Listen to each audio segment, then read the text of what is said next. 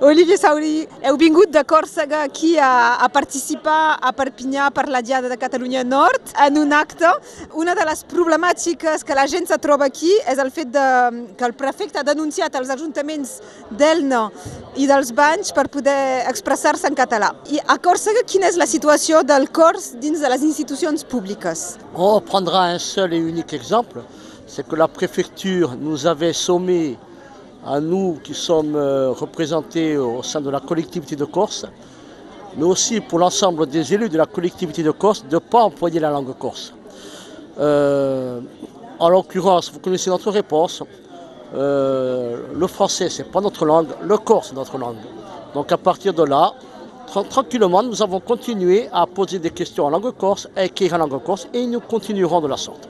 I la resposta ha estat sempre positiva de, la part de, dels vostres eh, ciutadans i, de, de, la préfecture Non, la préfecture, si vous voulez, vous le savez très bien vous aussi, d'ailleurs je peux faire le comparatif, c'est le symbole, je dirais, de l'uniformisation française, pour pas dire coloniale.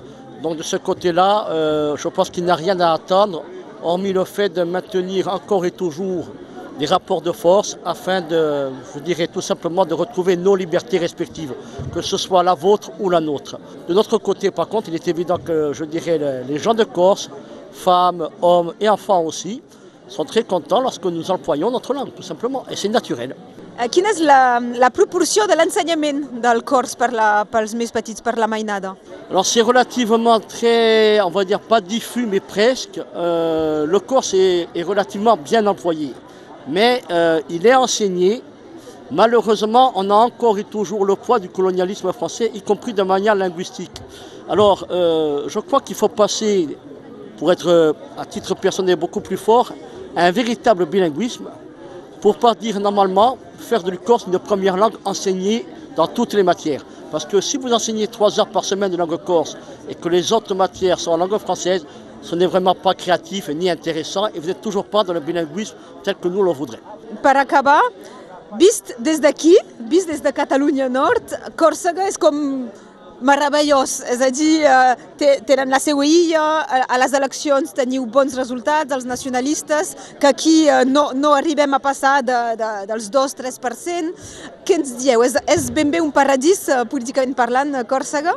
Non, d'abord, je voudrais dire pour vous qu'il y a quand même un fort mouvement démocratique de l'autre côté qui rappelle qu'il y a un droit à l'autodétermination qui à un moment donné va survenir. Donc aujourd'hui, vous avez de l'autre côté, j'aime pas ce mot, mais bon, je suis obligé de parler ainsi, un État autoritaire qui fait tout pour vous empêcher de vivre ce que vous êtes. Je pense que votre jour viendra, tout simplement, y compris à côté et ici même. Au-delà, chez nous, je pense que chaque peuple a sa diversité, ses moments, je dirais son histoire et son opportunité de saisir ce qui peut s'écrire. Euh, nous, effectivement, nous sommes aujourd'hui fortement représentés, mais ne croyez pas que la situation a changé. Loin de là. Euh, pour exemple, malheureusement, vous avez pu euh, vivre l'assassinat de Yvan Colonne d'un point de vue médiatique. Ça vous démontre que, en l'occurrence, au cœur même des prisons françaises réputées les plus sécurisées, on arrive à assassiner des patriotes corses.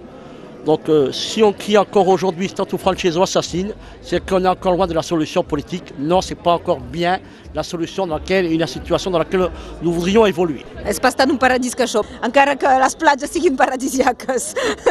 Moltes gràcies. Merci beaucoup. Adeu. Au revoir et Uwashuyon Benera.